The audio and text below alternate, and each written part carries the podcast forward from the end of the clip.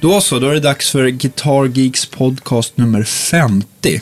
Och det innebär att vi har kört 50 veckor nu, Yeah. Andreas. Ja, det har vi. Ja, och idag har vi en legendar med oss eh, som har hållit på länge.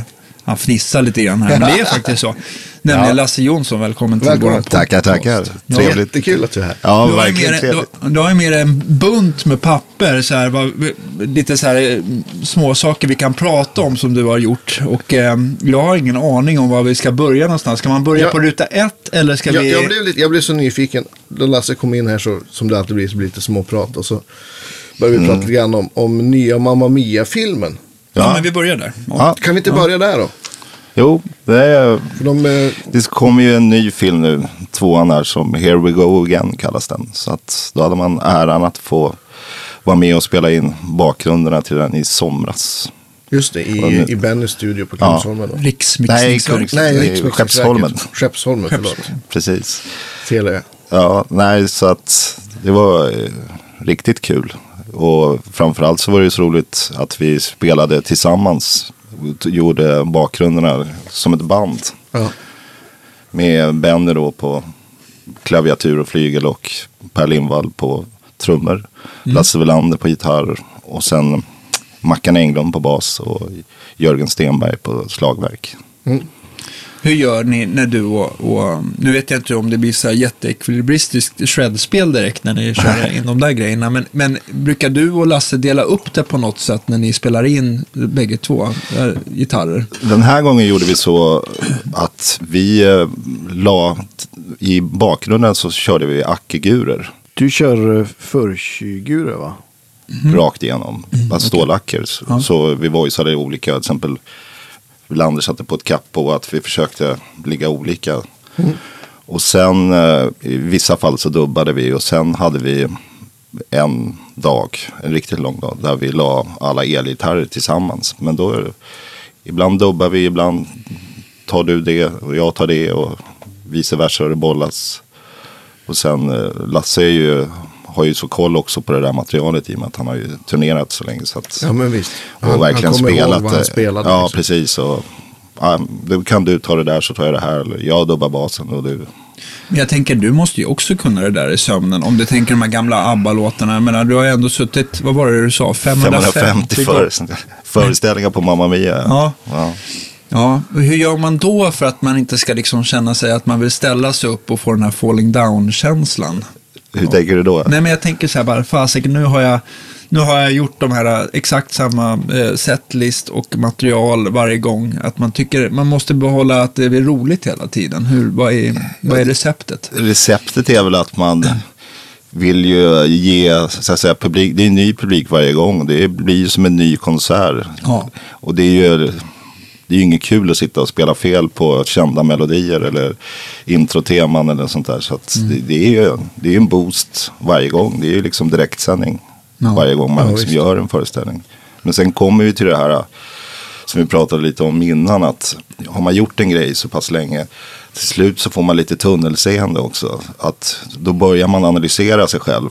Liksom just som vi pratade om det här med att man börjar tänka på hur slår jag an plektrumet och fingersättning och sånt där. Och, och det, det är ju ingen bra för att då låter man inte ryggmärgen jobba så blir det ju jättejobbigt. Och det var ju lite grann som jag sa, en kompis som är, har varit professionell golfspelare. Han liknar ju med deras sving. Att börjar man tänka så blir det inget bra alls.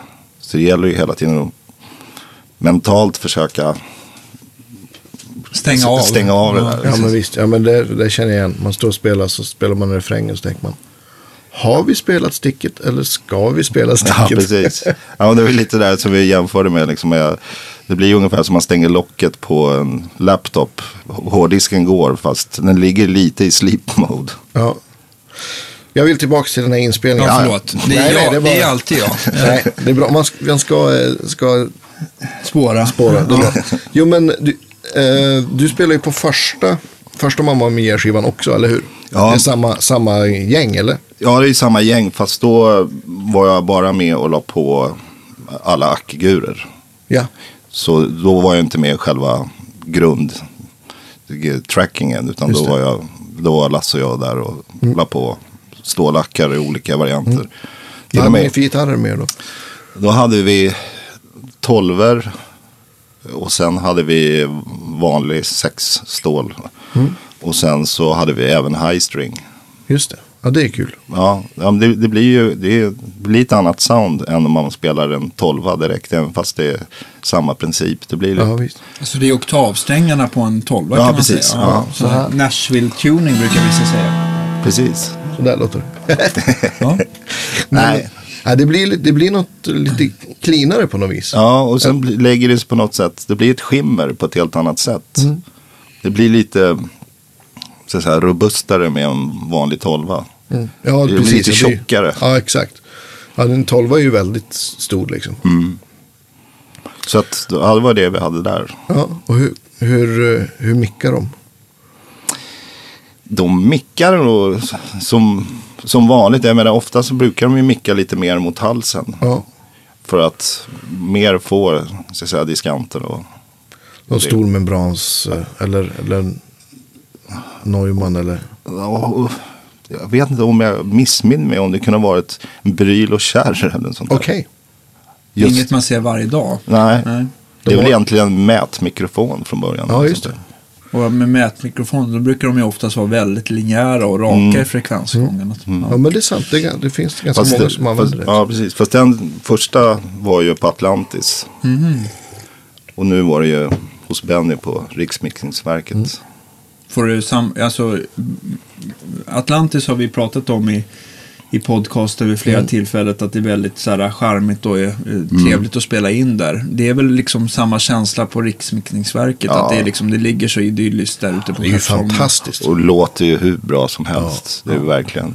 Men den, den studion, Atlantis har ju funnits sedan sen Stockholm byggdes tänkte jag säga, men, men ett bra tag. Men, men Riksmixningsverket är väl en ganska ny Ja, studio, kan det va? vara. Mindre än tio år alla Ja, det är Ja. ja. Sen var det ju roligt att när vi var där på Atlantis så var det ju typ 30 år sedan innan de hade spelat, ABBA hade spelat in sina första bakgrunder på samma låtar. Ja. Ja, just det. Så att det var lite, cirkeln vart knuten.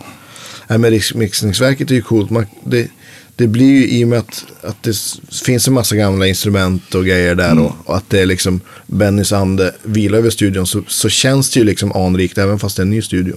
Det är i alla fall min feeling av att, att jobba där. Jag tycker det är ett fantastiskt ställe. Ja, det låter ju verkligen bra. De har ju Ja. tänkt till Ja. på alla sätt och vis. Både med kabeldragning och akustik. Och, Ja, och det där bordet låter ju ja. riktigt bra. ja det är grymt. Vad, sen, eh, sen då ni eh, trackade elgitarrer då, vad, vad hade ni för uppsättning då? Eller, Ja, då, körde jag med pedalbordet och min kära Olsson-förstärkare. Ja, du är också med i Olssonklubben. Klubben, ja, precis. Jag är en klubb 40. Klubb 40, ja just det. Just det. Ja, det passar bra. Nej, och sen eh, körde Velander eh, med ett, jag vet, jag tror ni har snackat, ni snackade Ja. om sist, något så här Boss ja, just det. pedalbord. Så att jag var mickad och han var linad. Så att, men då sitter man ju inne i kontrollrummet. Ja, Och ja, Benny säger bu eller bä. ja, Oftast vart det ju bra. ja. Nej men det, Va, vad hade du med för gitarrer då? På? ja, då hade jag, dels har jag en, en eh, av Göran Eriksson byggd tele. En sån här Black Black, Lake, Lake. ja, just det. Precis. Som är riktigt skön. Och sen så har jag eh, en kopia kan man väl säga. När jag fick av Fender. En custom shop eh, Strata. Som är eh, en kopia på en 62 är det väl. Mm. Fast jag har en 63 hemma. Så att, som de, de är nästan identiska. Ja, vad roligt. Kunna jämföra så. Ja, precis. Så att, och då har jag en sån här hot rail. Enda förändring på den är att jag har hot rail på diskantmicken. Okej. Är det just för att du vill ha så, liksom, kunna göra allting? Så, ja, allting precis. Från att liksom dista på ordentligt till att få det här skimmer Ja, precis. Ja. Så att jag har ju sökt och leda, letat och inte riktigt kommit överens med någon Les Paul än som jag gillar. Men ja, det var ju i fornminnes tider så fixade Nys- Nysse då en, en Les Paul Sunburst, jag tror det var en 60 som jag skulle få köpa då på slutet av 70-talet. Eh, för 45 000 och då hade jag precis köpt min första bostadsrätt på Rörstrandsgatan för 75. Så jag tyckte det var, uff, det var ju mycket pengar. Men sen vart den var jag verkligen förtjust i. Men då vart det ju så att då var det en annan, jag ska inte nämna någon namn, en son till en känd och rik herre som då sa att, fick nys om den så han sa vad jag än skulle betala Skulle han bjuda skulle han bjuda över. Att- Vad tråkigt. Ja, det är tråkigt med tanke på en annan kompis sålde ju sin nu på sån här nätaktion. i- Vad är det, Sam Hash eller de i Nashville eller? Eh, Nashville borde du känna till. Eh, Sam Ash tänker jag, men det är väl en eh, nej, kedja? men jag- Ja, när jag tänker på... Oj, nu står det helt... De som har, men det är bara specialinbjudna som får in på övervåningen. Ja, nej, men Ja, det, det låter ju som att det skulle kunna eh, vara vara det. Ja, nu står det helt still. Andertons? Nej, Nej, det är ju... det är Austin va? Nej, jag vet Ja, inte. alltså, jag lägger ner ja, mig. Nu för jag fick totalt järnbrinn. Jag ser hela affären. Jag ser hissen till övervåningen också. Ja, men i alla fall du, så, fick, du åka upp i hissen? Ja, man bara, bara säga att ja, men hej, vi är mu- musiker från Europa på turné. Ja. Får vi, Jag känner får vi komma upp och kolla? Ja, men precis. men i alla fall, då, han sålde in på nätaktion en 60 Sunburst. Så han fick ju 1,3 för den. Ja. Och det var ju var en advokat i Singapore som skulle ha den till sitt hobbyband. Sånt det, det är lite knäckande sånt. Ja, faktiskt. Ja. Och, och särskilt om det är så här instrument som någon har spelat på en massa som verkligen är en player. Mm. Och så sen hamnar det, hamnar det i, i en skrubb någonstans. Lite tråkigt. Det känns nästan som att Les Paulerna, de, har- de har följt Stockholms bostadsrättspriser. Ja, De det, är samma det, kurva uppåt ja, det var ganska intressant där just att en etta för 75 och sen en Les Paul för 45 och sen så slutar det nästan på samma. Ja, herregud. Så att, ja. Men, eh, ja, men eh, Om vi återgår till. nej, det spelar ingen roll. Det är bra.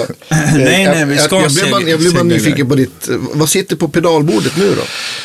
Ja du, dels sitter en sån här huge Kettner. Du vet den här med tre kanaler på Tube. min rör. Ja, Tube någonting. Cube Master kanske. Ja, ja Tube just det. Man. Ja. Ja, det är ganska bra för att det är, jag har ju så att jag kan koppla förbi den men det går ändå att man kommer åt diskant, bas och middel Just om det. man vill, även på det rena ljudet. Och sen en Riot, Sir Rice. ja, Ja. precis, och Strymon, Timelinen och, och vad heter den där gröna Mm, kompressorn från uh, Mad Professor, Forest, Forest Green. Green. Forest Green. Ja. Hörde du att jag var en millisekund snabbare? ja, det var det. Det är för att du har druckit tre deciliter mer kaffe. Ja, jag ligger i en kopp kaffe.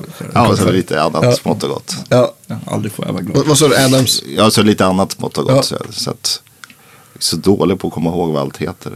Vad heter den där bruna med som är lite mer OD? Eh, Bruna med professor. brun. Ja, guldbrun.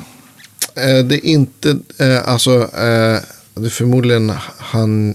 Eh, Ja, Honeybee. Ja. Honeybee eller Sweet Honey. Honeybee. Honeybee, ja, precis. Ja. Den gillar jag verkligen. Ja, och det är en stor favorit för Ja. många. Ja, ja, det, Ja. så att, ja, det, ja, men det täcker Det- väl det mesta. ja faktiskt. Och så, ja, vavva och volympedal och hej och. Ja. Så att, nej det funkar jättebra. Inga, inga liksom modulationseffekter krävs. Jo, jag har en Woody Vibe. Ja. Och sen eh, vanligt chorus också. Wood Vibe, de är ju schyssta. Det är den stora. Ja, den stora, den tar alldeles för mycket plats Ja. men jag kan inte ta bort den. Nej. Ja, det är, Ja, den har ett fantastiskt tremolo också. ja. De är, Är det så den funkar? Alltså jag tänker Voodoo Vibe, är det inte de här, de, de kan antingen vara helt lila färgade eller så har de någon sån här swirl finish va? Eller nej, det är de här fel? svarta. De är, Nej, alltså, det är Sweet Sound som kanske gör dem. Ja, det är Sweet Sound. Ja. Ja. det är de där tror jag. Ja, just det. Ja, nej, inte det- Mo- ja, jag tänker på Mojo Vibe. Nej, det Förlåt är ju, alla där ute. eh, Jag ska bättra mig. Roger Mayer är det ju som har gjort ja, det. just det. Just det. det. Det tror jag var en av de första så här vibe-pedalerna som kom. Mm. Alltså i, Ja, det måste i början på så här butik. Eh, alltså på 90-talet måste det ha varit. För den, den kommer jag ihåg att man, man läste om tidigt. Den är, ja, den är fantastiskt bra, men väldigt stor. Ja, den, är, den tar lite för mycket utrymme men som sagt det är nostalgi att ta bort den. Ja. Och sen kommer jag på sen en, en diskpedal som, de, vad heter de som har gjort, är det Bogner eller de som har gjort, jobbat ihop med Niv? Just det, precis. Den är ju faktiskt riktigt bra den diskpedalen. Jaha, coolt. Den har jag inte testat. Är det, är det den som är lite, så här, lite större? Va? Nej, den är lika stor som vanligt men den är liksom träinklädd. Precis, och så har den mini-trafos, eller hur? Ja, just det. Ja, som Niv designade. Ja. Den kom för något år sedan eller, eller Är så. det någonting som Sebbe har eller haft? Eller? Ja, Ja, det det tror jag det är. Sebbe som har lurat på mig den. Så att, Ja.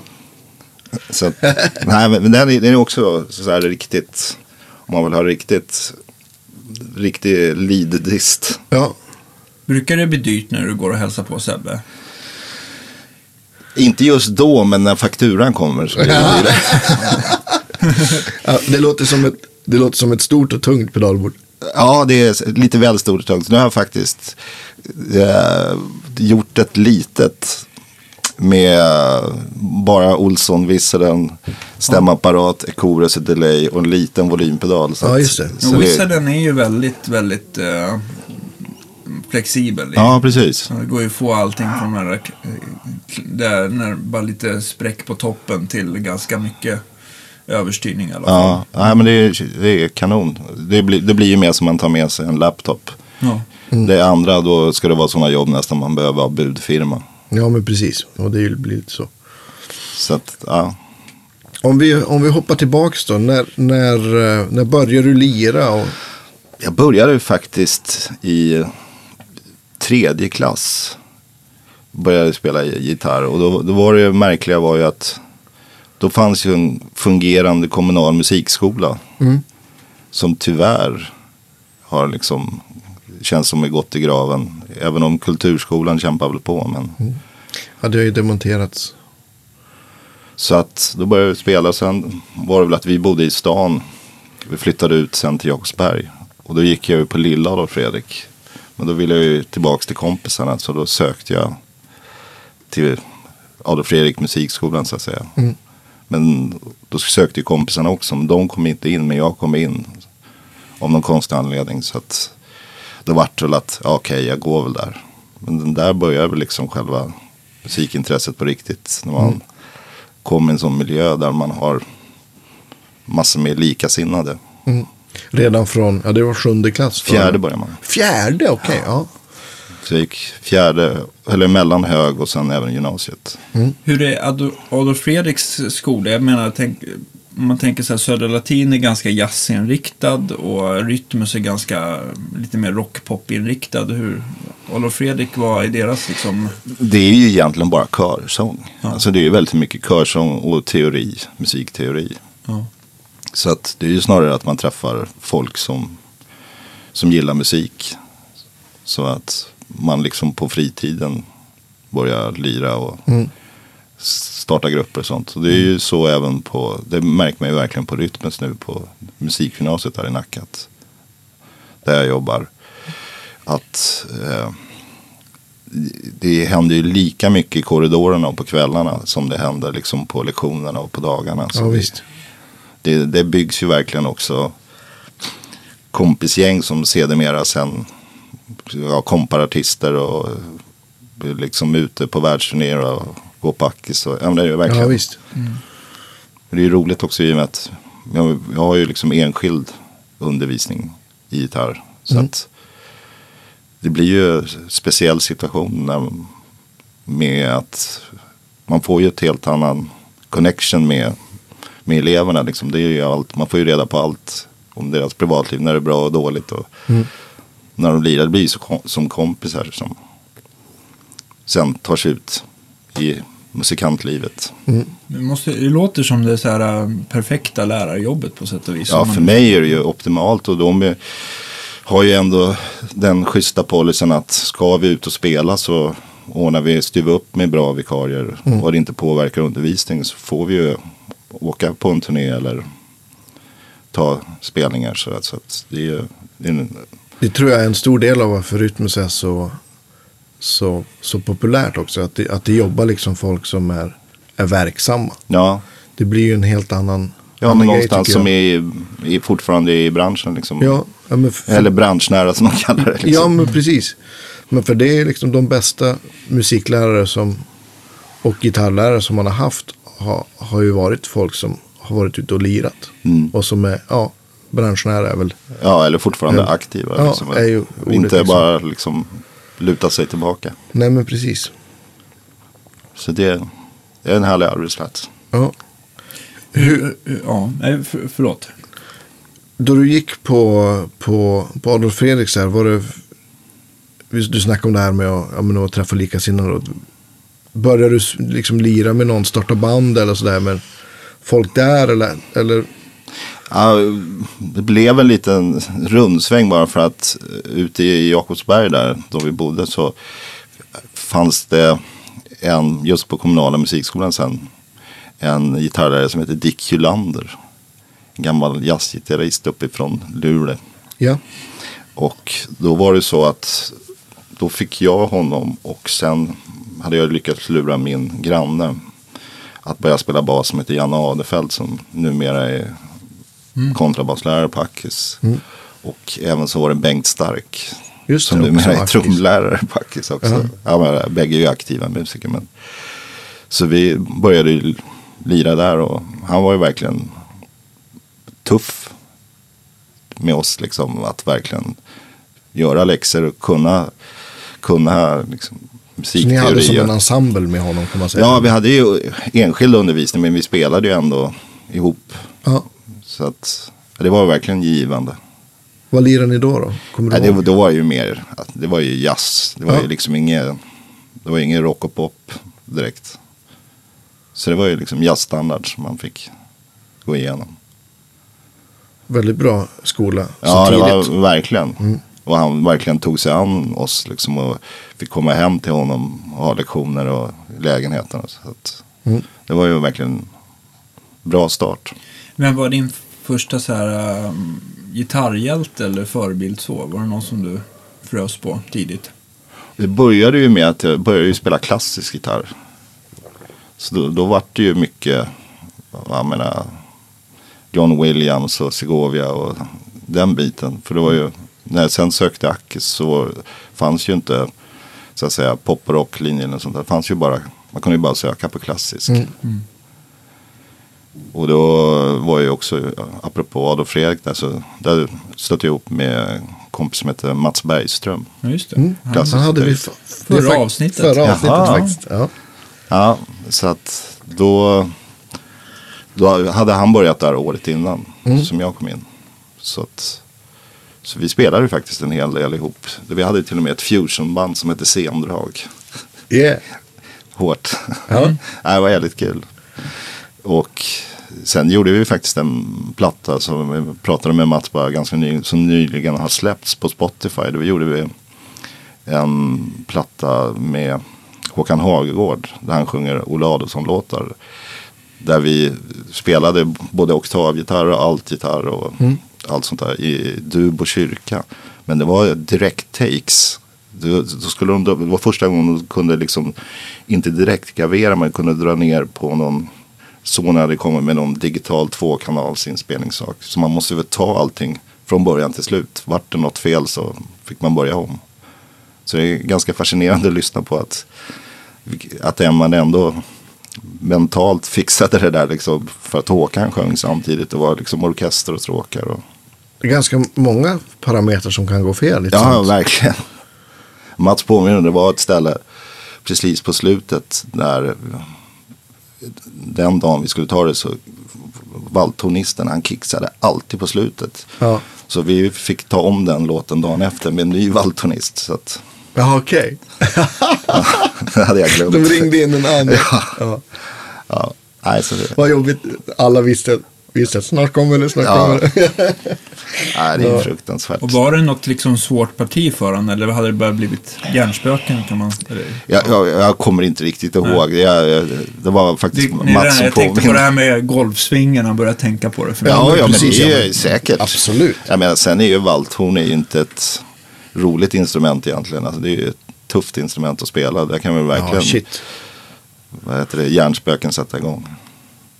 Nej, men det, de, eh, de har turnerat med orkestrar och sådär. De, de övar ju faktiskt alltid. Mm. Det gör de. Så här, går man förbi deras hotellrum efter hotellfrukosten så ja, de övar. Efter, innan soundcheck övar de, efter soundcheck övar de. Så att, Ja men det är väl liksom valthorn och oboe som är ju riktigt känns som utsatta just när de har solo features. Ja, Som hela världen tittar på dem. precis. Fast där är ju, där är ju lite grann samma sak som, apropå, nu hoppar jag vilt här. Jag tänkte på, mm, var ju, hade ju lyckan att få vara med och spela Melodifestivalen när det var liveorkester. Det är coolt. Och då, då var det, fanns det inte så många kanaler heller på den tiden. Så att då var ju publiken runt 3,5-4 miljoner. Och just, tänker på just det här med att när man hade sådana här lead-melodier och Ja. sånt. Vad du än gör, spela inte fel. det, kan vara, det kan vara det sista du gör i det här yrket. Liksom att mentalt att inte bryta ihop. Så det, då, då känner man ju också att då, där är man ju lite utsatt. Ja, Med en kamera precis i ansiktet och sen Mm. spela rätt. Spela rätt och le samtidigt. Precis. Två saker. Ja. Vilka år, eller gjorde du Melodifestivalen flera år? Ja, jag tror jag gjorde fyra år. Det sista vi gjorde var väl 99 när Charlotte Perrelli vann. Ja, det var väl sist, var det sista, sista, gången? i, nej, det var sista i Stockholm. Sista i Sen 2000 var ju sista i Göteborg. Det var ju då det där medlet var. Med Skifs och allihopa. Just det, precis. Ja. Men, Monster eh, medley. Ja, det där var ju sista, för oss i alla fall, var ju när hon vann med Take me to your heaven, ja. ja, Tusen och natt. Ja. Tusen och natt. ja. Fast där är ganska roligt. Vi pratade om Magnus, Be- Magnus Bengtsson och jag spelade ihop där. Mm. Och då hade Anders Berglund på avsignaturen fått för sig att det skulle bli någon sån här hårdrocksgitarrduell liksom när eftertexterna gick. Ja. Så vi pratade om det och det, det, det låter faktiskt riktigt helt okej om man lyssnar på det nu så här efteråt. Men det, det var väl kanske därför vi sköt ut oss ur slagersammanhang. Att det skulle inte vara någon orkester. Ganska roligt att det var det sista vi gjorde. Sen Ja, var, det där med orkester lär väl inte komma tillbaka. nej, det är svårt att tänka mig i, i Ja, dagens läge. Men, men eh, sen var det ju, vi var ju så glada då att Charlotte vann ju stora finalen också. Ja. Och då trodde vi att, det hade ju varit så till exempel när det var i Malmö och sånt. Att, då, då, att det skulle vara, då blir ju Eurovision. Sverige hemlandet där, Mm. Globen. Och tänkte nu, härligt för att jag har hört av kollegorna nere i Malmö att då fick ju man väldigt bra betalt för den veckan. För då ska ju varje land vara med och betala orkestern och sånt. Ja, just det. Men då kom ju de på den briljanta idén att nej, vi ska inte ha orkester. Då gick det ju i Globen, men då var det ju första gången det var Ja. så att säga singback som det kallas. ja, det var ju synd. Ja, det var deppigt. Ja. Ja, ja, jag tänker så här, ekonomiskt måste det vara deppigt, men så tänker man ju så här när, när man eh, lyssnar på stora Eurovision så där, att det är ju inte alltid så här spännande med de här öststatsbidragen och rent musikaliskt tänkte jag, men Ja. det, det kanske... Eh, alla låtar är ju inte hits. Nej, verkligen inte. Men ja, det hade varit kul att få göra i alla fall. Ja. Är den, ja, ja, men jag tror inte det finns, det är väl inget land som har orkester längre tror jag. Jag har ju ingen, jag har ju ingen Ja, man, är, man är väl ingen stor ätare. Eurovision-fan. Nej. nej, precis. Nej, så att, fast det är ju också som det var. Det kan man väl säga, det var väl nästan brytpunkten för innan dess. Så satt man ju och spela på tv eh, hur som helst. Liksom, man satt ju på husband på allting med Nöjesmassakern, Nöjesmaskin, Måndagsbörsen och Ja. alla sådana här olika tv-program. Var det något tv-jobb som du tyckte var extra roligt? Ja, det finns ju ett speciellt minne var det faktiskt när, när de skulle fira kungens 50-årsdag i Globen och det var direktsändning. Och sen skulle Stevie Wonder vara med med sitt band och spela. Men då på något sätt så hade bandet fastnat i någon flight eller sån här i Chicago eller sånt där. Så då Berglund och då dagen, eller natten innan så bara för, på chansning så skrev de ut låtarna han skulle köra. Så då sitter vi, ja, vi måste repa det här. Vi, vi kan i alla fall kolla om han kanske kan använda oss. Ja. Och så sitter vi och repar igenom låtarna. Helt plötsligt så är det någon som börjar sjunga och spela piano. som har stått och lyssnat lite en stund så var det ju Stevie Wonder. Ja, det, det var, det var, gåshud. det var riktigt. gåshud faktiskt. Det var riktigt. Shit vad coolt alltså. Det, what? Det, när det kom upp i monitoren då var det verkligen så att wow. Ja, det kan Min- jag Minns tänka du vilka låtar det var? Happy birthday såklart. Ja. Och- Åh, vad var den här? Vad heter den? Dut, dut, dut. Sir Duke. Sir Duke. Mm. Har jag för mig. Mm. Ja, det var mäktigt.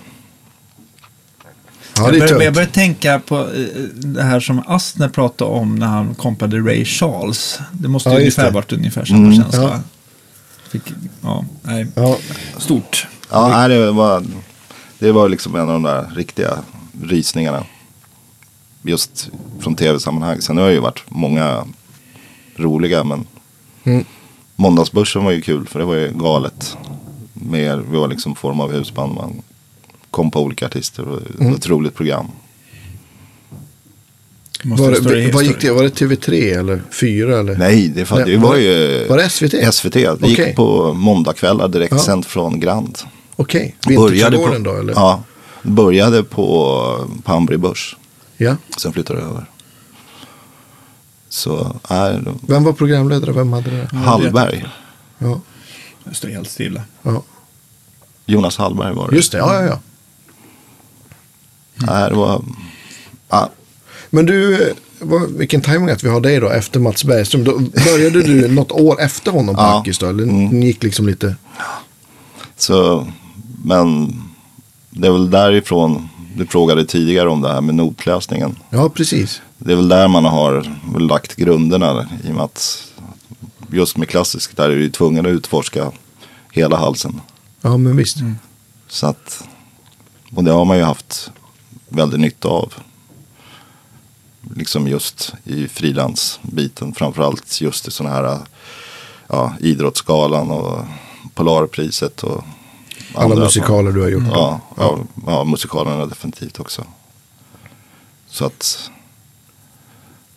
det är Känner du dig väldigt trygg med notläsning? Att om du får ett vikariat att du inte hinner kolla på saker, att du liksom kan ganska lätt Eh, läsa in det snabbt? Eller trygg och trygg men jag, jag tror nog jag är ganska bra på att inte spela varje not. Nej men det, första, jag, jag kan nog få det att låta i de flesta fall så att säga. Att jag kan skumma och ta väsentligheterna. Sen får man väl gå in på finliret nästa gång när man hinner titta på det. Har du fått något sånt panikvick? Någon har kräksjuka och så har du fått liksom kasta det på... Nej, inte som jag kan komma på. Nej. Inte någon sån här riktigt, riktigt panik, panik. Nej. Men, ja. Ja, nej, pratar du. Nej, jag bara kom tänka en annat som var väldigt nyttigt. Var ju, fanns någonting som var föregångaren till Aki storband som hette Solna storband. Mm. Och då var det Per Lindvall och jag och Peter Ljung och massor av de här blåsarna som fortfarande är i farten. Men då var det en, en orkesterledare, väldigt driven man som heter Åke Pettersson. Men han lyckades få dit, vi var ju bara youngsters, vi var ju liksom 18-19. Men han lyckades få dit Ther Jones och Mel Lewis och John Faddis och Jeremy Richardson och alla de här som vi hade olika konserter med. Och då var det ju verkligen korta puckar med storbandsarr. Mm. Det var ju också nytta av notläsning. Mm. Så att, ja, det var också en skola. Ja, coolt. Ja, storband. Det har jag ju sagt förut. Det var också en av mina så här. Det var då jag lärde mig läsa liksom. Mm. Jag började spela storband. Jag började med gymnasiet liksom. Ja. Och, men eh, då spelar du, jag misstänker att du, att du spelade liksom, eller att du, du började öva mer klassisk gitarr för att kunna komma in på Ackis och plugga gitarr. Ja. Och så spelar du elgitarr alltid parallellt med det då. Ja, det kom ju parallellt. Så att jag gick ju totalt två år på Ackis. För sen så kom faktiskt uh, herr Uggla emellan då. Ja, just det var det. då vi spelade in, som vi upptäckte nu, 37 år sedan, Den ljusnande framtid i vår. Och sen vart det ju efterföljande turnéer och allt sånt där. Ja, och vips hade det gått tio år eller Ja. något kanske. Jag säger det fortfarande kom på att vi spel, jag tror vi hade premiären i Hagfors eller något sånt där. Hagfors. Ja, precis. Och då, då kom jag jag var ju så att säga vattenkammad kille från Hackis. Men det var ju en chock faktiskt. Från replokalen där man liksom hörde allting perfekt och sånt där. Och sen på första konserten, man hörde ingenting. Det var bara fullständigt kaos. Folk bara skrek. Jag hade ingen aning om, vad, om man lirade liksom en halvtom fel. Man hörde ingenting. Det var verkligen så här, what? Vad är det här? Och det, ja. Han var väl verkligen supertonårsidol då. Ja. Eller, eller inte bara tonårs, men liksom Ja. popstjärna deluxe liksom. Ja, ja, det var verkligen roliga år. Och då vi också spelade in en hysterisk liveplatta som heter Godkänd Pirat på den turnén. Och det var ju liksom Magnus Persson och Minne och eh, Mats Alsberg och så Anders Elias och jag och Anders Nord, gammal Ja. gitarrist. Så att, ja, kul att lyssna på så här efteråt. Ja, men vi, Diskussionen var inte så här, bara, jaha, du spelar låten i den tonarten. det var ingen som kan ha hört någonting. Beatles-lägen alltså. Ja, men det var ju Vi, verkligen. får, vi måste göra en, eh, en Spotify-lista här med, med Mm, blandat Ja. inspelningar. ja, verkligen. Men eh, Men jag tänkte så här, när du gick de där två åren på Akis, eh, hade du kunnat, var det en tvåårig utbildning? Eller Nej, det var det- fyra år. Det var fyra år. Så jag du tog ju sabbatsår. Okej. Som, som jag fortfarande har. Ja. ja, fortfarande samma. Ja. Det är aldrig för Men, sent. men när du var inne i det innan Uggla ringde där, var du liksom inne på att nu du skulle bli eh, Segovia? Nej, någonstans om man pratar om just Mats Bergström. Så han var ju verkligen några nivåer, eller flera nivåer över. Och på något sätt så känns det inte som den klassiska gitarrvärlden är så himla stor för att man ska liksom försörja sig, kunna försörja sig på att åka runt i kyrkor och hålla en repertoar vid liv och allt sånt där. Så att jag var väl, gled väl mer och mer över till elgitarren. Då hade vi våran lärare som heter Rolf Lafleur. Så när man liksom stakar sig i något, så att säga, någon Bach-sak eller någonting sånt där. Så ja, har du varit ute med eländet nu igen? Var det Uggla? ja, det var Lafleur. Ja, det det var Uggla jag varit ute. Elände, åh vad roligt. Det var inte riktigt hans musik kanske. Nej, det, Vattentäta skott Ja. kan man säga kanske. det är ju väldigt stor skillnad på Akis nu mot då. Ja, ja, visst. Då var det ju verkligen klassiskt och bu mot andra. Ja, men precis. Så, ja, det, ja, men, eh, jag vet inte ens vad det finns för linjer där nu. liksom, Men det fanns absolut ingen jazz eller pop och rock Nej, nej, verkligen inte. Det Nej, var inget annat som dög helt enkelt. nej det var ju inte, det var inte fint nog. Nej. Så att, ja. Nej, men det var, jag tror liksom den största nyttan man hade av Akis det var att allt övande innan man kom in. Sen vet jag Ja. inte. Sen var det ju roligt. Vad heter det? Med, med liksom umgänget Mm. där också. Och det måste ju varit ett perfekt ställe att liksom knyta Mm, ja, ja, kontaktnät. ja, ja, det Ja, men det är väl, eh, det är väl, så är det väl för de flesta. Det är, det är nästan viktigare de människor man träffar då man pluggar. Jo, än, det än själva plugget. ja, ja. Det är ju, ja men det gör jag. Jag spelar, spelar fortfarande med, med folk som jag gick musikgymnasiet med. Mm. Men vad gick du på? I Lycksele. I Lycksele? Ja. var första året det fanns så här estetprogram. Så ja, började också vara ett tag sedan. Ja, det, tiden går. Ja, shit. Men första Ug- Uggla-giget där, var, det, var du med på en platta först? Ja, eller? precis, Ja, och så sen blev det liksom att då, och då skulle den, det bandet med på turnén liksom. Ja, Ja. så vi vart vi erbjudna. Och det var ju lite grann så generellt. För jag hade ju turen att vara med när det fortfarande, eller komma in ska jag säga, i slutändan där när det fortfarande var så mycket inspelningar och det fanns Ja. så många studios. Och jag menar det var ju, vi satt ju på KMH och satt man ju och spelade in dansbandsplattor till liksom hela tiden. Och, och det var ju verkligen, apropå fortfarande liksom, då tog väl Velander mig lite under sina vingar och visade, ja men tänk på det här och upp en stämning i kapp och lite mjukare plektrum. Och Ja. Just för man, då var det också så att då trackade man ju bakgrunderna med ackigurer. Just det. Och så var det ju alltid tonartshöjning. Okej, stanna. Flytta. och så flytta. Ja. och sen så nästa veva så lades elpianot på ovanpå flygen. Så då dubbade man på dem. Och sen, sen var det ju beroende på vem som skulle lägga på elgitarrerna. Men, men då var det också när man spelade in mycket plattor så var det ju det ungefär som den plattan som gick bäst, inte nu dansbandsplattorna, så då var det ju den artisten man åkte turné med sen. För då, det, det, det var lite, då ville man ha liksom soundet från Plattan. från plattan med Ja, sig liksom. Ja. Ja, men det var ju typ Susanna Alvengren som vi åkte en sommar med, jag tror jag, 75 gig liksom. Eller sånt där. Herregud. Ja. Så att, det För var ju- artister som gör 75 gig på ett år i dagsläget. Nej, men det, så att det, det, det var ju, det är tråkigt att det försvunnit, men då satt man ju verkligen och spelade in. Och sen så måste du ju spara ett massa tid och jobb också. De visste att ett band Ja. som redan kan låtarna och mer. Sen får vi inte glömma att just då när vi började turnera med Skifs och sånt.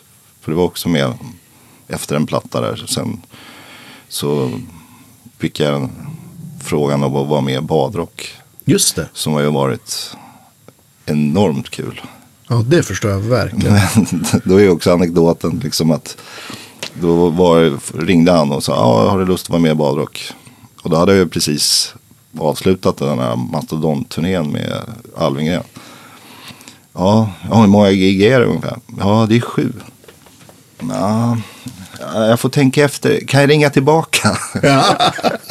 men, men då var det ju verkligen, så att säga, ekonomiskt sett så tjänar man väl lika mycket på de där sju som på de där 70. Ja. Så att, så han har ju alltid varit väldigt bra att jobba för Björn. Så att det var vansinnigt roliga år.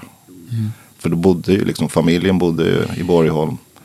Så lirade man på Slottsruinen och sen åkte man runt lite på olika ställen och spelade och sen hem igen. Så det var ju som att vara på semester och hålla på och jamma med kompisarna på scen. Men det var lite så här, om jag förstått det rätt, så det var inte bara Borgholm utan ni gjorde några andra ställen också. Från början, jag var ju inte med de två första åren tror jag. Eh, Så, så var det ju bara Borgholm. För han tänkte lite den här filmen Mad Dogs and Englishmen. Var Ja, men precis. det. Joe Cocker. Ja, precis. Så att, men sen så liksom gick det ju så pass bra så det svällde och svällde och svällde. Mm. Till slut så var det ju uppe i 15-16 gig. Och allt från uppifrån Luleå ner till södra Sverige. Så att, men det var då också han tyckte att det blev för stort. Mm. Som att då vart det ju inte som grundtanken var. Så då lades det ju ner. Och sen hade vi ju 30-årsjubileum nu förra sommaren. Det finns, finns det kvar på TV4 Play, vet du det? Vet ej. Jag För tror det är, ju, det. ja. det är ju verkligen dagens tips. Kolla in det. Det låter ju det, det låter väldigt bra också. Ja, Och, och det är fantastiskt band. Ni spelar jätte, jättebra. ja, det var Det- jättekul. Ja. Vi sa ju det, hade ju, vi hade ju på larva oss då när det slutade liksom att ja, nästa gång när vi har 30-årsjubileum för då kommer vi in i rullatorer och allt. Helt plötsligt har det gått 30 år. Men gnistan fanns ju kvar. Det var ju jätteroligt att spela. Och Sanne och Malla och hela gänget och Ja. Björn och Lisa.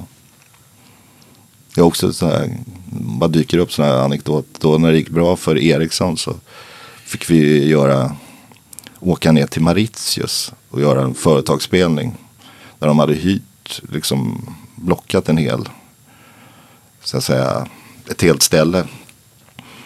Och byggt en stor scen och ja, det var värsta pådraget. Och då var det med Lisa och, och med, med Björn. Men det skönaste var att vi, som förband hade vi Gypsy Kings. Vad roligt.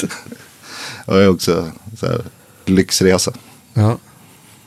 Och det, vi gjorde ju några turnéer med, med det som kallas B&B, Björn och Benny. Okej. Så det var ju faktiskt både i Kina och i Sydafrika. Och då körde ni... Ja, då alltså, var det ju all med, med och Anders. Glenn. Ja, just det. Det var med Anders Glenmark och Karin och Tommy Körberg och, Just det. och Helen skön. Men då var det liksom, Symfoniorkester. Ja, just och det. Men sen- då är det mer musikallåtar också? Eller Ja, både och. Alltså, det var både från Chess och Duvemåla och ABBA-låtar. Så här. Jag var ju också, och Anders Elgert var dirigent. Och Då var det Rutger och Per Lindvall, Peter Ljung, Svante Persson, jag och Welander. Så det är också. stabilt gäng. Vilket team. Ja. Ja. det finns också faktiskt en liveplatta från det. Ja, kul. Jag får ju komma ihåg att lägga till. Ja, nej. Så hade man hunnit med lite. Spelar du någon klassisk gitarr nu? Eller? Nej, Inte så mycket. Det är inte så att jag har upprätthåller någon repertoar. Någon kondis. Ja, nej, men det är ju fortfarande, till exempel nu i Billy Elliot så är det ju en hel del så att säga, fingerspel som man har nytta av. Men ja, ibland får man damma av den gamla konon Ja. och upptäcka att oj vad det var brett mellan banden. Ja. Trögspelat det var. Men det är väl, jag spelade också, jag spelade klassisk gitarr på gymnasiet för det, det, det fanns ingen elgitarrlärare i Lycksele. Så, och, men eh, jag kommer ihåg att jag, jag var ju liksom, jag ville ju spela, ja men, jazz, pop, rock, Mm. hårdrock, fusion, allt, allt annat än klassisk gitarr. Jag tyckte ändå det var, var ganska kul, men sen kom jag ihåg att efter så här två, tre år efter gymnasiet så skulle jag spela lite grann och det kändes som att jag hade tappat all ton. Det lät bedrövligt. Så det, jag vet, inte, det skulle, skulle ha pratat med Mats om också, men det, det, det kändes som att det var att det, att det är lite grann som från blåsare, att man måste hålla uppe liksom någon typ Ja. av, ambis Ja, för, att det ska liksom, för att tonen ska finnas kvar. Och det här pysslet med naglarna hela tiden. Alltså hur är det filat, hur smärgelduken, är det ett jack eller liksom hur tonen blir. Ja. Beroende på längd och allting. Det är verkligen heltidssyssla om man liksom ska jobba med det hela tiden. För det kommer jag ihåg faktiskt. När jag skulle söka så vart jag så, skulle man titta på de här listorna om man gått vidare eller inte. Ja. Och då vart jag så jäkla glad och såg att jag gått vidare. Så jag liksom, yeah! Och fastnade med långfingernageln i stålarmbandet till klockan. Som gick ju av. Nej, och då skulle du spela mer sen? Ja, det, var ju, det skulle ju fortsättas liksom den veckan. Men då, det var för, peppar peppar första enda gången jag haft. Fick gå och sätta dit en plastnagel. Ja. Hålla på och fila och grejer. Så att, Ja, shit. Ja, Ja, det, det, men du kör naturliga naglar nu? Ja. brukar- ja brukar jag säga. Jag hade ju från, eh, från gymna- gymnasiet, jag s- fortsatte spela med fingrarna, det gör jag ju fortfarande. Så Mm. det, det var ju en jättevinst för mig Ja. att spela klassisk gitarr då. Även om jag inte har gjort det sedan dess Nej. överhuvudtaget så, så fick jag med mig ja, de här tre fingrarna liksom. ja, det är ju verkligen ett, ett ytterligare ett verktyg när man ska lira gitarr. Att det inte bara vara bunden till ett plektrum. Ja, visst. Det är använda alla utom. Fast det är vissa använder ju till och med. Man har ju sett det på spanska gitarrister. Använder ju även lillfingret. Ja, precis. Så att vi har ett finger kvar att börja lära upp. Utforska. Exakt. ja, men det finns ju också sådana dårar som, som, eller dårar ska man inte säga, men folk som täpar med fyra fingrar som spelar elgitarr. Mm. finns ju, nu kommer jag vara på Jennifer Batten på rak arm, men det finns ju en, en mängd andra som gör det också. Så att det, ja. Men det har ju gjort att man har ju fått göra lite roliga jobb. Jag kommer ihåg just då. När jag gick faktiskt fick jag faktiskt spela in. Eller äran att spela in med sådana här plattor med Allan Edwall. Åh, vad coolt. Att det var. Det är lite så här. Emil! Ja, precis. Nej, men det, ja, men det var roliga minnen som man ändå har fått göra. Just det, men då, är, då kompar du bara honom med, med klassisk gitarr och sen så var det Ja, väldigt det mycket var- visor. Ja, det visar. Ja, Ja, så, men det var. Vad heter det? Ganska ga- fyndiga texter. Och, Ja, verkligen. Och det var ju också sån här direkttext med stråk och blås och alltihopa. Så jag var på OAL-studion och spelade in i ett par omgångar i Sollentuna. Sollentuna. Hur var han att arbeta med? Var han så, så mysig som man kan tänka sig eller Mysigare nästan. mysigare nästan? Vi- Det var liksom, satt i en rund ring och alla hade varsin mikrofon och han satt och äh, sjöng. Och, Ja, Morfarprototyp du ja, sett sådär. min lilla mor. Ja, vad fränt. ja. ja, så att man är väl, men det är väl också det att man fortfarande, så att säga, att telefonen fortfarande ringer, att man har jobb, det är väl att man är tillräckligt dålig på allt. Att man liksom kan spela i de flesta genrer fast kanske inte med spetskompetens på allt. Men man kan liksom klara av det och det har väl liksom också varit typ som man spelar sådana här grejer som vi gjorde i 25 år. Åkte runt med det här stjärnklart. Ja, just det. Att det är ju så olika artister, olika stilar, olika musikstilar och det är väl, då behövs det liksom en, en bredd hos alla. Det måste vara ett kameleont helt enkelt. Ja, ja precis. Så att, om du får eh, tid till egen musik, vad blir det då för någonting? Kan man ju fundera på. Eller har du liksom, jag kan ju tänka mig att kalendern har varit så full så att det kanske... ja, det, jag har ju varit gånger där man tänkt liksom, ah nu. Men sen har det liksom bara runnit ut i sanden på något sätt. Att man inte riktigt haft energin själv. Det har inte funnits riktigt de där, den där oceaner av tid där man känner att man kan grotta ner sig. Och göra något eget. Men ändå har det varit, funnits små embryon och sånt där. Men Har du material liggande så här i en staka låtar åtminstone? För, Ja, det, det finns ju. Man märkte ju framförallt nu när man ska flytta det här nu. Att man börjar gräva i kartonger och sånt och hitta gamla låtar man har tecknat ner. Och... Ja. Aldrig för sent. Nej, nej, precis. Så att man får väl ta det på ålderns höst. och om du får drömma då, vad, vad, om du skulle göra en soloskiva, vad, eh, vad skulle det bli för inriktning? Ja, skulle nog gärna någon hybrid åt hållet. Lite kanske bluesigare men ändå ja, med Clapton, Beck, Robin Ford och sånt där liksom. Jag vet inte. Någon liten bluesy fusion? Ja, ja, ja, det kan man ju säga. Det är väl ganska bra uttryckt. The Carlton. Ja, precis. Kanske, Ja. Ja. det är ju, det, Instrumentalt? troligtvis. Ja, eller skulle du gärna eh, sjunga någon låt? Där Nej, där, jag sjöng klart på Adolf Fredrik. Du får inte ens höra något kö, äh, köra live eller? Jag kan väl säga att man, jag har väl fasat ut mig själv där lite grann. För jag tycker att ja, det, det är ju ett, det är ett jobb. Det blir ju liksom 100% till. Man ska lära sig texter, köra, samtidigt ska du få ihop det med ditt spel. Och det, är, ju- det är ju en konst. Det är ju liksom, Verkligen. Alltid något som blir lidande. Ja, nej, men jag, det där är ju, till exempel Magnus Bengtsson är jättebra på det. Och det, det är liksom någonstans, kanske man skulle hållit i det tidigare.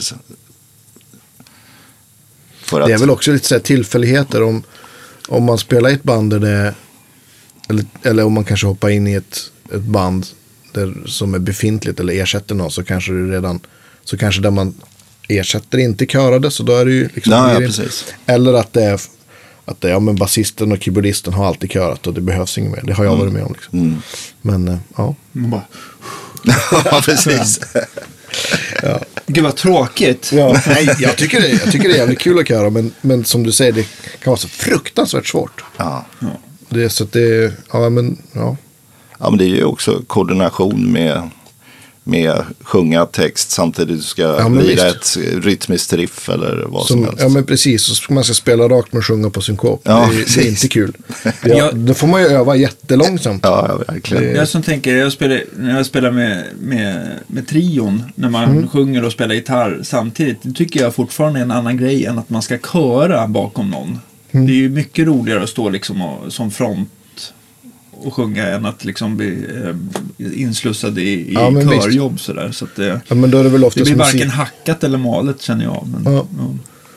Ja, men det är väl annorlunda om man har, har skrivit låten själv kanske. Och då, har du, då kanske du spelar gitarr på ett sätt som, eller att det är liksom, det, det, det, hjälper, åt, det hjälper varandra på något vis kanske. Precis, ja, men man lär sig ju de kompen som liksom sitter så inbankat i ryggmärgen, blues och rock'n'rollen sådär, då blir det rätt, lätt att sjunga till. Men ska det vara en mer så här, eh, ja, upphackat spel så blir det, ja, försvårar ju saken lite grann, får man öva. Mm. Men eh, ja, På- nog om det. Ja. På, eh, hade du, körde du rackprylen och sådär på 80-talet? Ja, jag hade ju lukat ur skåpet. Ja, Med, med de här vad heter det, programmerbara s- rackstärkarna. okej. Som var rör alltså. var Per Alm som Just det. lurade in mig på de där. Och sen var, hade man ju TC-grejer och Eventide kanske. ja, ja, precis. Ja, Lexikon kanske. Ja. Så sen hade jag två faktiskt wedgar. Där jag hade två Celestion 12 för man körde ju givetvis i stereo. Ja.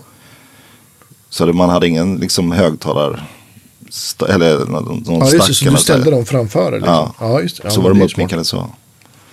Men det är ju hysteriskt. Jag sålde just det flight-caset. Det, den skulle man ju kunna istället behållit och använda som kista när man dör. Liksom. det är så stort så att, Var det eh, så här 15-20 enheters eller? ja, om det räcker ens. Alltså, det var, Måste varit fruktansvärt tungt. oj, oj, oj. Det var hemskt. Men det lät ju Ja, fantastiskt. ja. Men det var ju helt hopplöst att transportera. Gick ju inte ens in i en vanlig kombi.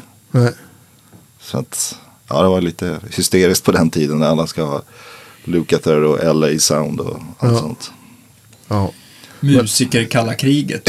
och Rustar upp för någonting.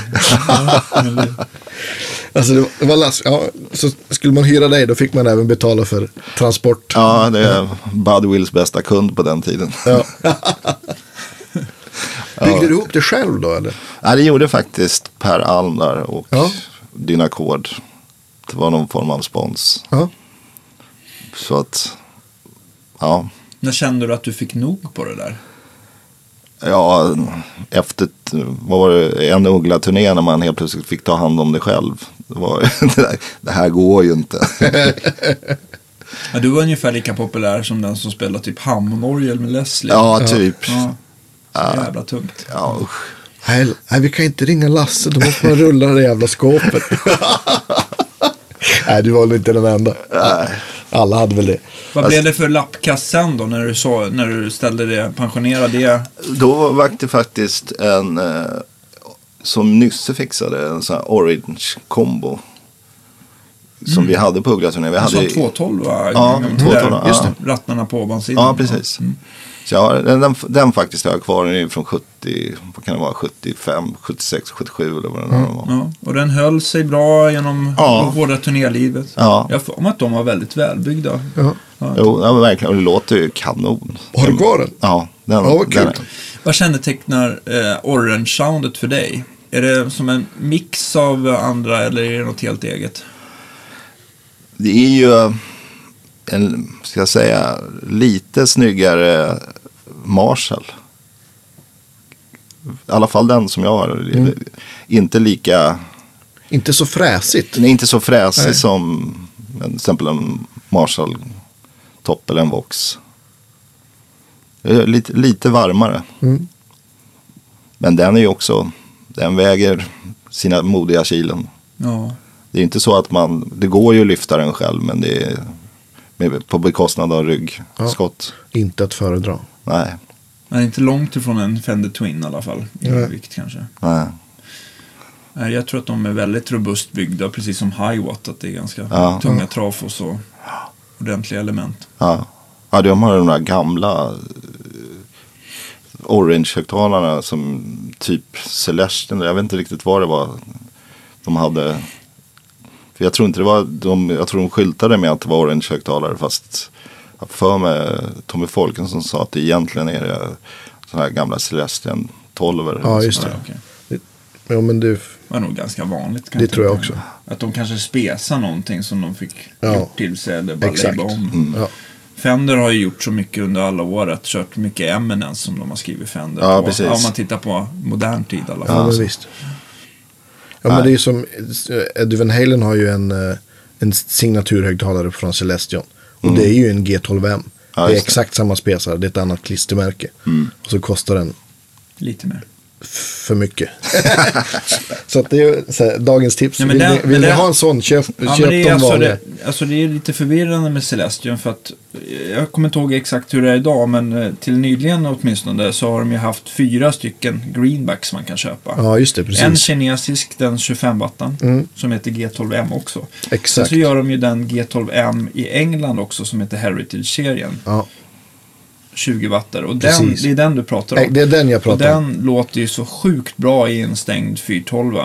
fantastiskt. Med rätt mått också har vi Mm. märkt att det kan. 412 djup och bredd och allting har vi. Eh, Men eh, i en sån klassisk 412 låter de helt grymt. Mm. alltså. Men du har inte varit någon sån här stack, eh, alltså Marshall stack-kille? Ja, jag hade ju ett tag faktiskt på de här badrekorden. Då hade jag en 412, en stereolåda. Mm. Och sen hade jag ju deras 50 watts, de här rör stereoslutsteget. Just det. Var det guld där? Guld. Guld. Ja. Ja. Och sen på det då en eh, JMP1 ja. och en A2 som effekt. A2. Eh, korg. Just det, A2. ja visst. Ja. Men det var man ganska, tyckte man rätt, Väldigt bra rigg. Ja. Det måste ha låtit Det fantastiskt. lät grymt. Vet att sen var, han, modda, han, mod, han var faktiskt min JMP1 var den första han moddade. Ja, jag, vad kommer kul. ihåg, jag kommer ihåg första gången jag fick höra en sån moddad JMP uppe hos Ernie på, när han jobbade på Stones. Ja. Jag vet inte om Ja. jag träffade honom, men eh, väldigt bra. Han, han, eh, han bara, det här måste du lyssna på. För fan vad jag tyckte det lät bra Ja. första gången. Men faktum kvarstår att jag har, ja, nu, då blev det till slut dubbla riggar. Men på Billy Elliot nu, då kör jag med A2 i JMP och så in i return på JCM 900. Och det är, låter hur bra som helst. Faktum är att JMP1, det, det, det är många som, jag lyssnade på en podd med, som heter Riffraft, kan jag, Mm. Shane Theroux, en amerikanare. Eh, nej, nu ljuger jag. Det var No Guitar is Safe, förlåt. Eh, med, med Phil Collen från, från Def Leppard, han har kört den liksom sen den kom. Ja. Och det, det är ganska många som kör den. Ja, Billy Gibbons tänker jag på. Billy Han- Gibbons han har ju kört väldigt- den i, också sen den kom. Det är ju fortfarande hans, hans stärk liksom. Ja, jag har ju två stycken eller två rack. Och sen var det sköna var att jag försökte då skulle vara lite hipp. Att eh, köra något TC istället för den här Corey A2. Men det, det blev digitalt då helt plötsligt. Ja. Den är, A2 är tillräckligt dålig för att det ska låta analogt. Ja. Så jag har försökt byta det där. Men, och sen är det ju så praktiskt, till exempel om man har ett vick, till exempel på teatern och sånt där, så är ju alla ljud förprogrammerade och volymer satta alltihopa. Så att, ja, det är ju klockrent för en sån. Vad säger de när de har vickat då? Bara shit vad bra det låter. Eller det här var ju intressant. Eller, nej, men det är... Reaktionerna. Nej, reaktioner. Det har ju varit till exempel nu på Billy Elliot, gamla vapendragarna också. Håkan Björnheim som lirade också mycket i studio på den tiden och med Rickfors. Och, men han, han gillar det jättemycket. Men det kanske är nostalgi för oss bägge som gör att vi liksom är, är vana vid det. Men det är liksom lättspelat och riktig sustain och man kan ju verkligen få Ja, men det är ju en analog, eh, Ja. Ja, precis. Jag vill minnas att den har två overdrive sound och två clean sound sådär som man kan reglera Ja, ganska fritt. Men, Ja. Och de, de har ju också börjat komma, de är ju inte purfärska de där. Det är väl också Nej, 90-talsprodukter. 90-tal, ja, de precis. håller fint än. Liksom. Den kom väl i samma veva ungefär som 900. 900. Ja. Så att, nej det är, Fan, if it ain't broke, don't fix it. nej precis. Jag tror också, precis som när du kopplar in i returen på din 900, att de är liksom de, har liksom, de bygger sina slutsteg på samma sätt så att det, Ja. det, det bara ska funka helt Ja, men visst. Nej, det är, För det är en sån liten 112 Ja. 900 kombo. Ja. Väger en del också. Men... väger också en del. Riktigt robust bygge om man tittar trä, själva skalet där också. Ja. Men du har aldrig varit inne på de här Kemper och de lösningarna? Eller? Nej, ja, jag borde väl ha, borde väl ha liksom försökt. Men jag vet inte, det är, visst de låter jättebra och det är optimalt om man kör in er och behöver allt färdigt såklart. Liksom. Jag, jag, jag trivs inte att spela riktigt. Det känns som det är 95 av 100 jämfört med när men man det- känner att man flyttar lite luft med pappa och rör som jobbar. Ja, men så är det. Det är väl lite så. Jag tycker eh, det som eh, stör mig nästan mest det är just när man ska gå in i ett ljud och försöka liksom tuna om det så här med mer eller mindre överstyrning eller ändra EQn så där så tycker jag att det, då känns det inte alls som att vrida på en stärkare. Men Ja. Ja, men det är ju fräser det till istället.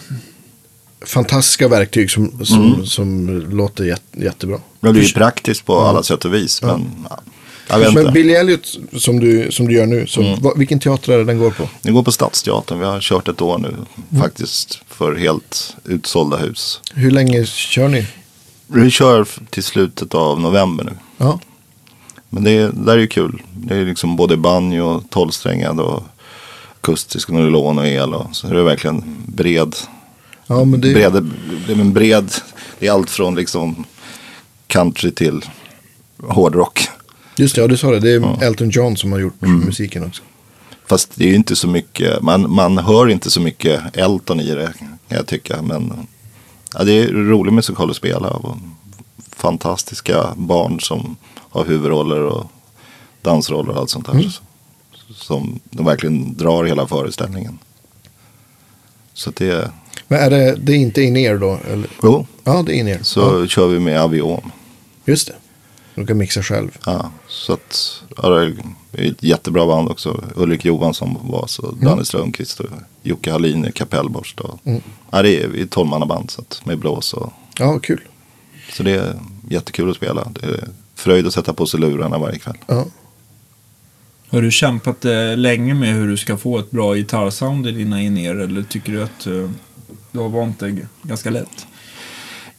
Någonstans så hade jag väl turen med att första gången man åkte på det så vi känner ni till Oskar Johansson. Ja. Som då gjorde tricket att hänga två mickar Mm. bredvid varann. Och sen panna ut dem fullt i lyssningen. Och då vart det liksom på något sätt. Istället för att det blir bara fräs i mitten så, så vart det nästan som på riktigt. Ja, men visst. om Man, det är en, det är, att man får, liksom, får lite mer den här 3D. Ja, Har det varit, var det samma typ av mikrofon? Någon, mm, samma typ. eh, Vilken då? Är, är det någon som du har fastnat för? Nej, de har någon. Nu är jag och mikrofoner. Jag kan väl ungefär SM57 va, men det är en liten fyrkantig men det- rakapparat. Ja, men det är en, alltså en, eh, Sennheiser. alltså, ja, Ja, just det. Sennheiser. Ja, det. Ja. Och sen hänger två bredvid varandra. 414. Ja. Är det, Alltså som är guldig på ena sidan eller? Ja, den är väl lite militär. eh, Eller. Brungrön. Jag Brunga. tänker på att de har någon annan sån här från eh, den, den här för, för 414 det är väl en kondensatormick va? Jag har för mig att de Ja. här ändå är en form av dynamisk mikrofon. Ja, vad heter de? Ja, vi har den här i mixskåpet. Jag kan Ja, ja. visa. Kan vi kolla sen om det Kan är kolla? Nej, Ja, men det, finns, den, det finns ju en ny variant som heter, heter den E906 eller 609 som, är, som tror jag är gjord som är en gitarrmick. Mhm. Som inte kostar så mycket men som är asbra. Ja, Ah, men det är en dynamisk mikrofon. Ja, jag precis. att de ligger, den ligger den är kanske lite dyrare än SM57. Men, Ja, det, är men- inte, det är inte 414 är ganska dyr har jag för mig. Ja, det är den. Och det är väl en Ja. AKG va? Ja, det är AKG, precis. Det är, förlåt, 414 är AKG. Men vi skulle ha haft ett så här direktnummer till Stefan Fandén nu känner jag. Ja, exakt. Liksom så här, frågan, så här, vad är det vi tänker på? Ja, li- livlinan. livlinan. Nej, nej, men så att det, det har faktiskt, det var ingen svår övergång. Sen, samtidigt så är man ju tacksam för att man kom, att det kom så pass tidigt i ens spelande att man inte har bränt hörseln, peppar peppar. Ta ett rätt som många av kollegorna och artisterna från förra generationen Ja. har ju problem. När Det, de det var liksom- inte uggla starkt. Nej. Nej, men jag menar när man ändå körde Oriel Leslie och Ja. Marshall-staplar och det enda som gick ut i, i sånganläggningen var ju verkligen bara sång. Så att, det ju- Alltså, det måste ju ha varit det bästa som har kommit på år och dag om man till exempel är hårdrocksångare. Liksom. ja, ja, Och ska kämpa med band med dubbla gitarrister. Eller... Måste jag fråga, jag, jag såg bara nu, eh, Göran Elmqvist la upp någonting annat, han har gjort något pedalbord till de killarna i Oppet. Ja, Ja, men precis. Vad är det för? Det, det är alltså, det är ju alltså Fracture X, XFX fast de har gjort en floorboard-variant. Okej. Ja. Som är, det är, eh, ja, det, det är som en, de har, ju, har väl liksom försökt göra som, ja men, podd och de här, att de har gjort det så att man inte behöver, att allt är, det är som ett pedalbord liksom. Så det är som en XFX fast lite mindre processorkraft. Okej, men det, är de bra om man jämför dem med Kemper och... Jag tycker ju, om man, jag, jag är ju en, jag älskar ju Fracture Audio och XFX. Jag, det jag tycker, jag tycker man vinner på spelkänsla och ljud. Men Är det inte att många tycker att just effekterna, alltså just all moderation och efterklang Ja, men- där, att det, där springer de iväg lite grann? Ja, men de, jo, men det gör de Men, de men är det, är mycket, det är ju också. 10 000 till, så att det är ju liksom inte så konstigt. Men det som är, de, de det som jag tycker är coolt att, att eh, Fracture Audio har ju de har ju klonat förstärkarna så att om du liksom rör på EQn på en Marshall eller en Fender så reagerar, reagerar det ju som en sån stärk. Och, och det tycker jag väl inte, de profileringar jag har gjort så känns det mer, eller jag har inte gjort några, men som jag har testat så tycker jag att det mer känns som att man EQar att man EQar ett uppmickat ljud. Det är inte stärken man EQar utan man EQar efter. Om ni förstår Ja, vad jag ja, jag menar. Nu kommer jag få en massa Kemper-användare på mig här, men, men Ja, men det, Det är min man måste, ju- feeling av Man det. måste ju få ha sin... eh, Ja, Nej, jag, Sin jag, tycker, jag tycker Kemper Ja. är, är svinbra. Men det, men, och, och den är också lite mer, de, de har gjort den för att den ska vara lite mer pris. Den är i samma prisklass som en, en, en, en Kemper utan slutsteg. Så vad, vad ligger de på? Jag vet inte, 12-14 kanske? Ja, det, Ja, och där ligger den. Det. För jag vet att de Opet-killarna har kört XFX förut. Men då blir det ju, då ska du ha ett, ett rack och så ska du ha ett bord och styra det. Så helt plötsligt så blir det Ganska- två kollin istället Ja, för ett. Så, att, så att jag tror att de har gjort det för att de turnerar i sådana länder där det, det är svårt att få tag på bra backline-stärkare tror jag. Så då kopplar de bara in. kör de ditt sen- trick, då och kör de in det där i, i Framförallt slutsteget. när jag pratat med Kulle om det, det är ju att, att eh, frakterna på att ta med sig stora riggar och sånt där, det, det, det är Ja, det lönar sig alltså. inte. Och eh, de kör ju in ner också. och Han tycker väl, jag vet ju att han verkligen älskar den här, eh, både sina Satriani Marshalls och eh, den här Olsson-stärken som han har varit med och Ja, just det. utvecklat lite grann. Eh, att han gillar att spela på riktiga stärkare med, ja, med outboards och allt vad det är. Men, men just att det här är så himla smidig lösning som gör att han vill ta med sig det istället. Då. ja, men det, Som det ser ut nu. Men han säger att han har ju fått suttit i flera, flera dagar bara för att programmera att det ska funka mellan låtarna. Det går ju liksom inte, jag vet inte det är lite svårare just i, alltså, i- mitt i gig att hålla på Ja, det är ju... justera om. Ja, det, är, det blir ju liksom, det är inte så intuitivt. Men, men det är, man känner sig lite som en keyboardist när man sitter och programmerar ljud. Men, men, ja, men det vet ju du också, om man, om man ska göra liksom för en show eller någonting. Då man väl är klar så är det ju väldigt, väldigt skönt att ha, bara kunna steppa igenom sina ljud. Och, Jag kommer ihåg en rolig anekdot i, från när det började den här gamla. Det fanns en Roland GP8, kommer du ihåg det? Då hade jag och Welander skaffat varsin. Men problemet var att om det var Welanders eller min, var helt tom på ljud. Men den andra har ju liksom hittat kanonljud, alltså verkligen. Nu, nu snackar vi, hurra, Ja. vad bra. Men då skulle vi liksom då, smarta gitarrister, dumpa över det, midi-dumpa det till den tomma. Men det vart ju tvärtom, vi dumpade över den tomma till den tomma. Så det var succé. No! Så det var bara att börja om. Göran Elmqvist är den enda gitarrist jag i alla fall känner som är riktigt bra på midi. Ja, herregud. Snygg resa. Men du, vi, du har gjort en massa mer musikaler och grejer också. Du jobbar väldigt mycket med Björn och Benny. Du, gjorde, ni gjorde, du har gjort Chess. Ja, jag- och jag delade på både Chess och första Duvemåla. Och sen så spelar jag ju nu på Duvemåla 2. Som var nu förra året. Som sattes just upp på Cirkus igen. Och har det mer varit? Sen har det, Les Misérables var första. Vi, 90 var första musikalen jag spelade på. Les Misérables. Ja. På Cirkus. Och då var det ju liksom på den tiden så var det ju inte inom citationstecken så fint för musikanter att sitta på en musikal. Som verkligen har ändrats nu men man Ja. tänker på arbetstillfällen och allt sånt här. Nu är det ju verkligen åtråvärt på ett helt annat sätt. Ja, shit. Ja, vad var det med? Sen gjorde jag Hetaste laget med Skifs och Regina. Och Lunda på, och Lorry. På, eh, och sen vad var det mer? då? Ja, Dumola Chess. Fasen, Mamma Mia. Cabaret har ju varit där. Och här på Stadsteatern. Mm.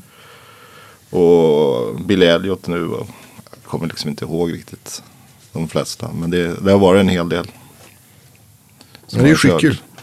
Till och med att uh, var och vickade på, fast det måste ju vara Stenholm, på Spök när det gick första gången. Ja. På Intiman och även Berglund vickade också på den här som Berg, Anders Berglund och flera gjorde som heter Skål. Okej. Så det gamla minnen. Man har suttit Ja. några gånger. Och sen blev det ju liksom också många plattor i och med att man höll på. Att inspelningsindustrin fanns ju Mm. på ett helt annat sätt. Så det känner man väl lite grann för dagens ungdom. Liksom att det är ju en helt annan bransch än vad det var förr. Mm. När det såldes plattor. Och nu liksom ska alla leva på någon Spotify-intäkter. Eller, det är väl snarare Det är nästan bara som ett slags reklamfönster. Ja, precis. Ja. Det är ju li- lite grann som en god kollega till mig sa. Liksom att göra en platta, det är mer som ett visitkort för att man ska få åka ut på turné. Ja, jo. Ja, men visst. Men så känns det verkligen. folk ska veta. Man vill ju givetvis eh, nå ut till alla och att Ja. de ska lyssna på ens musik. Men det, ja. Det känns ju inte som en eh, självklar inkomst längre. Så är det. Nej, Nej, shit. Ja, det är ju det är väl liksom turnerandet som, som kan dra in pengar liksom för artister och musikanter. Och då måste ju de här musikaljobben vara så himla, alltså man sitter på samma ställen. Det är kanske inte är så roligt om man, liksom, eh, om man som Stockholmsboende får köra liksom, tänker jag, musikal i Göteborg i ett års tid. Och det är ett väldigt pendlande, men annars om man kör i samma stad måste det vara Ja, extremt nej, men det är, det är ju verkligen, har man varit lyckligt förunnad. Mm. Att liksom få det som en bra inkomst. Och framförallt om man har turen som nu, man spelar på framgångsrika musikaler så, Som håller på ett tag. som håller på ett tag. Så att, Vad händer framöver? Har du något? Ja, nu förhoppningsvis, eller inte förhoppningsvis, men jag ska ta det lite lugnt eftersom nu har det varit dubbelarbete både på skolan och Ja, visst. Så att ja, det är väl lite saker som ligger i. Vi ska ju göra lite kompletteringar till filmen Ja, just nu om några Kul. veckor och ja, lite andra saker som ligger i bakvattnet. Mm. Men det är liksom inget som är klart. Men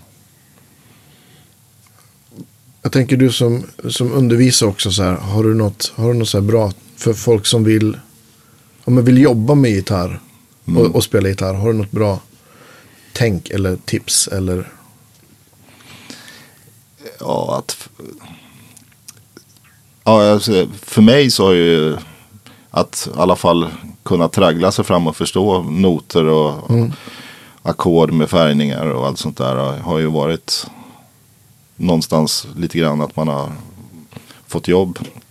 Och sen, men sen är det ju liksom bygga kontaktnät just för att liksom och, ja, vara lite öppen för att spela olika stilar. Mm. Och inte liksom bara vara stenhård på nej jag lirar bara den här typen av musik. Jag tror lite open mind liksom. Jag tycker nog att all musik som görs bra är, liksom är ju värt att testa att spela. Utan, Mm. Känns lite grann så. Dels måste man ha bredden och så just den här att man ska ha socialt kompetens. Jag menar Mm. de här gitarristerna som är bra men som kanske inte är så enkla att arbeta med. De slussas ju ut ganska fort. Ja, verkligen. Ja, det, apropå Dick Hylander. Han, han hade en sägning till oss som en, en professionell musiker. Han kommer i tid, han har ett stämt instrument och någorlunda nykter. Någorlunda nyckel. Ja, det är roligt. Ja, men det, då faller ju du in. ja absolut. Nej. Skämt Ja, men det, väldigt, eh, väldigt kloka ord. Det kan jag hålla med om. Att Det finns ju mycket musik som... Eller det, den mesta musiken är, är kul att spela. om Man spelar med bra folk och, Mm. och så. Men det är kanske inte är musik som man lyssnar på. Nej, nej, precis. Som, så det är Ja, men jag tror man, det är viktigt att man tar, tar allt, ja, och man tar respektive genre eller tar det på allvar när man väl ska lira och inte Mm. försöker skoja bort det eller liksom. Nej, men precis.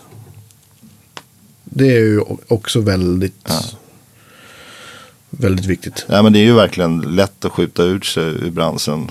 Jag menar dubbelboka sig eller komma för sent eller Ja, ja, inte ha koll eller inte kollat in det man ska göra eller Ja. vice versa.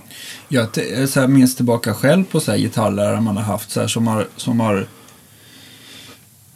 vilja få en att öva och prova saker som man liksom känner, inte alls har känt för. Men så här, så här, i efterhand så förstod man ju varför man skulle ta sig igenom. Att det fanns ju en plan. Varför Känner du så med eleverna idag att det är många så här ifrågasätter sig, med, bara fas, eller sätter sig på tvären, så här, vad fan ska jag hålla på med det här för? Det är skittråkigt. Men Ibland. Men då är det väl någonstans också att få dem att fatta att lär du dig en frygisk skala så kan du använda det också i, liksom i din hårdrockband. Liksom att Det är inte bara en jazzskala utan det är, du lär dig att förstå ditt instrument. Och du kan använda det, applicera det liksom på vilken musikstil som helst som du vill köra. Det är liksom, Och det är just att få våga folk att utforska greppbrädan någonstans. Liksom, jag menar, det finns ju de här fem boxarna i olika tonarter. Men att grundmålet är väl att man ska försöka få de här fem att smälta ihop så det blir en. Precis. Så att du känner som liksom hela halsen är en box. Bekväm, ja, visst. Men om vi pratar, pratar notläsning då. Har, har du något bra, bra, bra tips därför? att folk inte ska ge upp. Ja, precis. Nej, det finns ju faktiskt en bra bok som MI har gett ut. Ja, just det.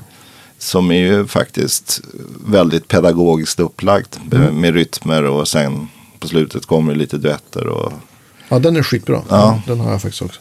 Det, det, och sen är det liksom någonstans, som jag säger till dig, är liksom att öppna en notbok.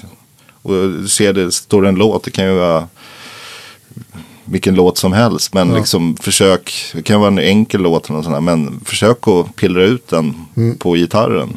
Hitta den, det behöver inte vara rätt rytm, men det kan, i och med att du känner igen låten så, så ja, någonstans förstår du rytmen Mm. i den. Och, Min uh, gitarrlärare Staffan sa på gymnasiet, för jag kommer ihåg, för då, då jag började gymnasiet hade jag inte läst en not. Liksom. Han sa det, ja men, och då började jag, spelade verkligen så här blockflöjtbok 1.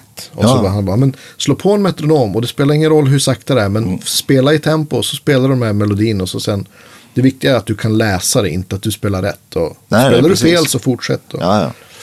Och det är ju apropå det där du sa tidigare med att om man bara får en not framför sig ska jag vista läsa. väl Att det gäller att fortsätta, även om du har kört ut, så gäller det att fortsätta följa så att säga, Precis. noten. Du har inte den här På spåret handbromsen?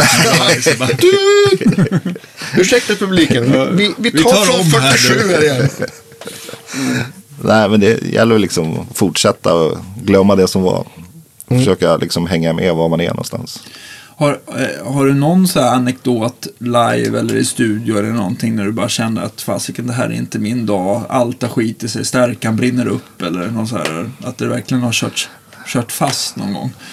Det kan väl snarare, det har väl inte peppa peppar ska man väl säga. Inte, Hänt än? nej, men eh, man kan ju säga att man har ju sina drömmar. När man ligger och sover. Framför allt är det ju den här att man inte ska komma i tid till gigget. Alltså man trampar i gyttja ungefär och man hör hur i- det börjar räknas in på Ja. stora scenen, är direktsändning och man bara Hitta inte till scen. Nej, det är kvicksilver överallt. De, det är ju en sån här riktig uff. Men inte vad jag kommer ihåg eller så har jag förträngt i alla fall. Du har inte haft otur med grejer som har gått sönder helt eh, och... Ja, det var väl faktiskt, vad var det? Det var, var det med Elisabeth Andreasson på Gröna Lund, stora scen tror jag. eller Sånt här. Vi hade soundcheckat alltihopa. Och då hade man, eh, hade jag en blå Larry V som Nisse igen då. Ja. Hade, det var ju Larry de här hårdrocksspadarna var ju verkligen på ropet ett tag. Ja. Hade EMG-batteriet tagit slut? Nej, Den, var- det var ju värre än så. Det, då soundcheckat alltihopa. Och sen när vi ska ut på scen. Hurra, rock'n'roll. Så kom jag fram till gitarrstället. Då hänger hela huvudet helt avslaget. Nej! Men det gick det att göra gig tack vare Floyd Rosett. Ja. Ja, just det, det var låst. det var låst. Men hela huvudet stod och dallrade och hängde Vad hade i hänt då? strängarna. Var det någon Han hade gått i back. scen, scentekniker som Ja. hade vält det för Ja, eller? ja, typ. Men det stämde så pass, eller det gick spela det. Ja, Det gick ju spela. finjustering på stallet också, Ja. så det kanske... Gaffa fast huvudet och så bara känna Ja, show on. jag skulle vilja se bilder från det där just när det hänger ett ledset Larry-huvud dinglande i strängarna. Ja, Liksom. shit. Fan, finns det någonting som gör så ont när man ser sin favoritgitarr ha avslagit huvud? Ja, det var- också klarat mig väldigt bra från det, men man kan ju tänka sig. Jag kom på en, en sån som faktiskt var ganska smärtsam. Eh, låt, till låt två i ett sånt här utslag ska jag byta till Les Paul. Vänder mig om och plockar Les Paulen. Och det bara brinner i fingrarna. Då har någon ställt en lampa. Så att lacken på halsen har smält. Skönt. Ja. Så att det, var, ja, det, var inte, det var inte kul. Så det var därav trären hals på den gitarren. Ah, fy fasen. Inga strängar avspelade i direktsändning. Peppar peppar måste jag säga att jag har haft tur med, med att inte dra av strängar. Men det har väl att göra med den här stratan. har- Och, och Jag lyckades faktiskt. kraftigt 13 till 56 set kanske. Nej, det är 09 faktiskt. Det är mesigt. Men, men eh, jag tror, jag lyckades faktiskt. Det här inte, vet jag inte om det man vågar säga eller sånt. Men spela nästan 500 föreställningar utan att byta strängar på stratan. På Mamma Mia. På 09? Ja. Helt otroligt. Ja. Ja, det är imponerande. ja, det vart snarare en sport. Ska se hur länge det går. det vart väl liksom. Hade du någon reservstratta bredvid dig som Nej. du kunde knycka? Nej. Hade du flytande stall eller låg det emot? Jag låg emot. Ja, ja. Så att det hade inte, du Nej, hade inte nej. blivit helt... eh, Nej, det hade inte blivit helt. Men det vart en sport till slut nästan. Ja. Men då var det, den som drog av det var faktiskt eh, en vikarie, Mats Jenseus, Göteborgs gitarrist, han som spelar på Lotta Liseberg. Han, ha- han var den som fick äran att dra av en sträng. Då var, då var det bara att byta. Men han spelar lite hårdare också, liksom hårdare anslag. Och, Ja. Men tycker du att du har ett väldigt löst anslag då? Eller har du... ja, jag har nog, Vad skulle du lägga det på Richter gitarrskalan? jag skulle nog i alla fall lägga mig, om vi pratar om Richterskalan i 100 så ligger jag nog på 40 procent i anslag. Alltså löst. Du är inte mörda stäng, sträng eh, Nej, Norum-feeling på i alla fall. nej, Ja, nej. han spelar hårt. Han spelar, jag, ja, jag vill minnas att Mm. han, man hör, man hör, han överröstar den nästan utan stärkare. Det är ganska roligt de här eh, YouTube-klippen och sånt där folk lägger upp på Facebook och sånt här. När man, de spelar en, via någon bra, men man hör liksom sträng, akustiska strängljudet starkare och plektrumet Ja, än själva disten. Ja. ja. Ja. Stort. Har vi... Eh, Jag tänkte, du har ju så otroligt mycket fint på din, eh, eh, på din, eh, din lista där. Är det någon, är det någon sån här fin, så här, bara, just det, det här måste vi ändå berätta om. Ja, faktiskt så, en grej var ju, Jag har en bra fråga sen också angående dina stratter, men det kan vi ta om en liten stund. ja men det var något som var en, som var faktiskt en stor ära. Det var när vi spelade den här Sir George Martin Awards nere i Malmö. Han har ju ett pris som han delar ut. Okej. Så det var lite mäktigt och vi lirade då vid själva prisutdelningen. Så att det var kul att få träffa en sån legend. Ja, shit. Det är såklart. Till och med att vi fick ta våran selfie med honom. Så att det var, Ja. Otroligt Yes. starstruck. ja, verkligen. bra. Sällan man är det, men det var, nej, det var kul. Men sen är ju, man har ju gl- glömt tusen grejer liksom och sånt där. Men det, det var man har haft, peppa peppa, haft väldigt tur och haft underbara kollegor och kapellmästare. Du, och- du spelar skitbra gitarr. Annars hade du inte varit verk- yrkesverksam i Det är ingen nästan som, 40 år. Det är ingen som har avslöjat den ens. Så. Ja, precis. Jag, nu förstår jag att du är väldigt uppbokad, men om, eh, är det någon eh, artist som du gärna liksom försöker gå och se varje gång de kommer till stan så här som, nej det här kan jag inte missa. Det är nästan så att du ringer in vikarier, men, du någon favorit? Oh, jag är väldigt dålig egentligen att gå och kolla på konserter. Men tyvärr nu verkar Clapton har ju varit en favorit. Nu verkar ju som att han har slutat turnera vad jag har förstått. Ja. Hur gammal är han nu? Är han 75? Kan, eller 70? Ja, han- han fyllde ju 70. Nej, 75 är han nog inte. Men 70 plus är han ju. Ja. Är det så? Mm. Hade han inte någon så här 70 års. Alltså så här. Han, gjorde han ett par spelningar på Royal Albert Hall. ja, det är möjligt. Ja. Jag trodde Aha. att det stannade. Ja, nej, nej men eh, eh, vi hade ju Dolly Bramhall som eh, gäst. Och han spelade ju med Clapton i 10-12 år. Och han skulle, i våras här så skulle han göra förbandsgig till Clapton på just Royal Albert Hall. Så jag tror att han spelar lite grann så här i England då och då. Men jag tror att han har slutat åka runt. Ja, det får bli väldigt lokalt då kanske. Ja. Du får åka till London helt enkelt. Men då, hur många gånger har du haft chansen att sett han? Jag har nog sett han ja, fyra, fem gånger i alla fall genom årens lopp. Mm. Sen var ju liksom då också då i tidernas begynnelse när man var häftiga minnen är ju när man var såg Weather Report med Pastorius på Konserthuset och, Yeah, ja, visst. och även Jackson Brown då med Lindley. Lindley och det gänget var ju väldigt häftiga konserter. Har du någon så här favoritkonsert fortfarande? Det bästa du har sett? Ja, men det, det är nog en kombination av den här Weather Report-konserten och Jackson Brown-konserten där. Som de, de två ihop var liksom perfekta mixen av två världar. Sen tror jag den starkaste konserten jag har varit på hela mitt liv. Det var Ted Nugent på Konserthuset också. Var det starkt? My God. Där snackar vi Twin Reverbs på 10. Nej, det var, och då satt jag ändå på första läktaren, alltså nära mixerbordet. Att det, och han hade typ en thin det, jag vet inte vad det är, av en typ en ES 175. Hade, Ja, men visst. ja, jag förstår inte att den inte bara skrek. Men jag mig att de är, de är väl så semisolida. va? Att de har en centerstock, hans. Ja, Okej.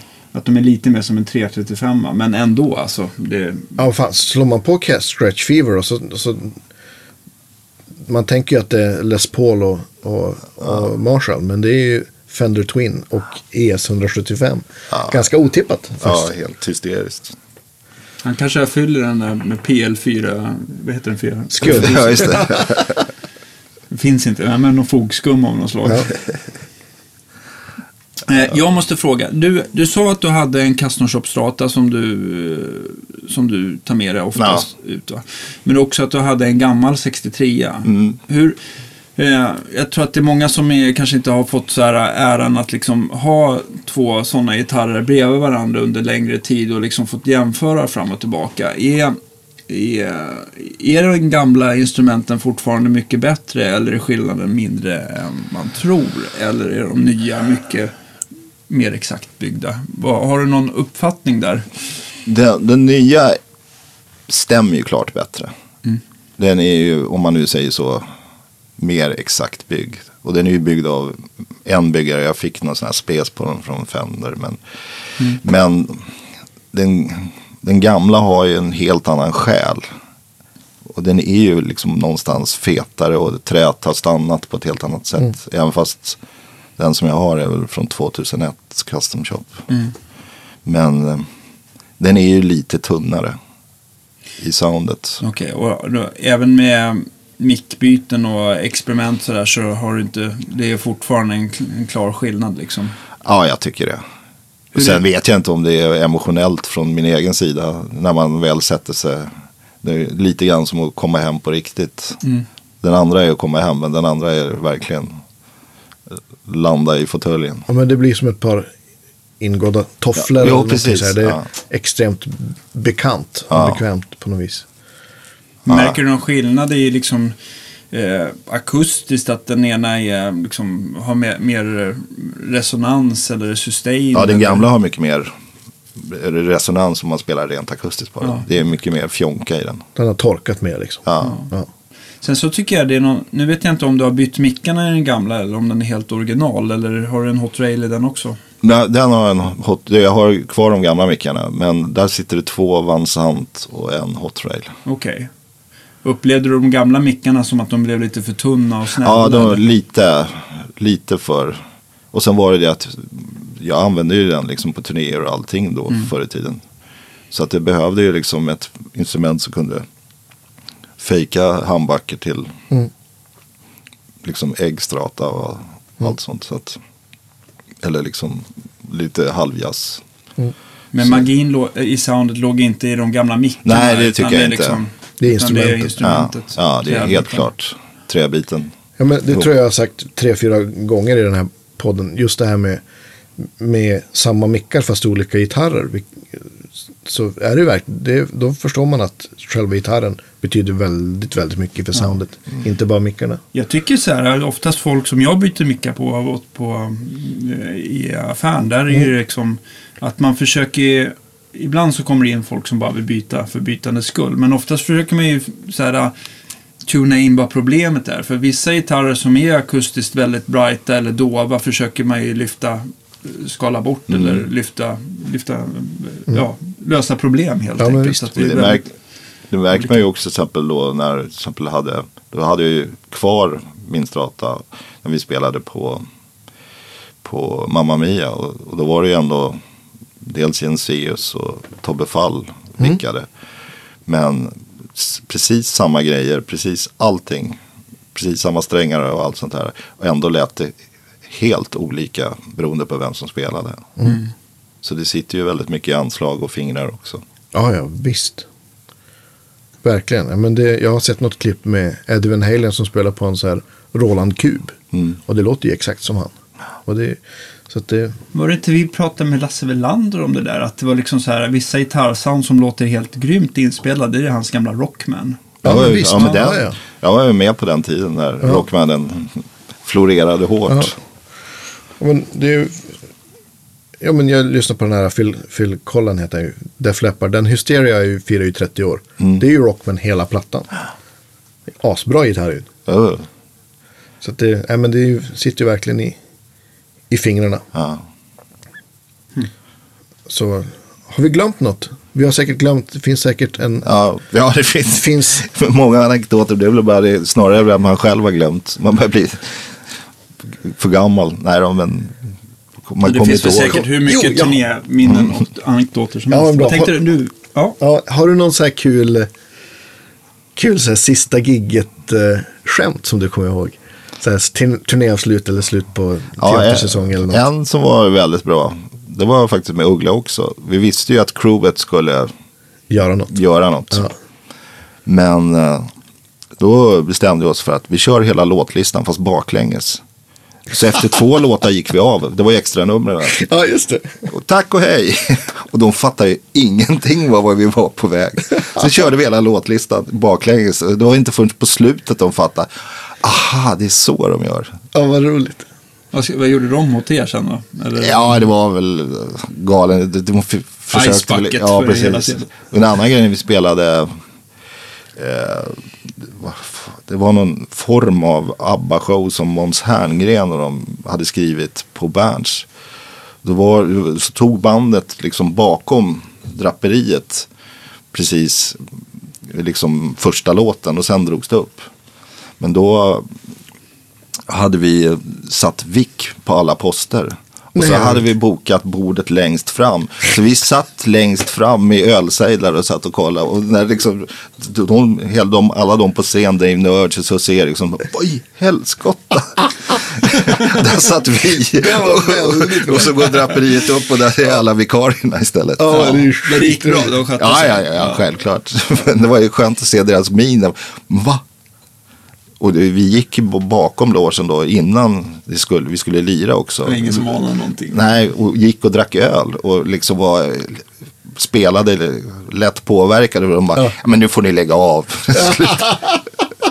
Så ni spred någon så lite Ja. osäker stämning där. Ja. Det är jättekul. Ja.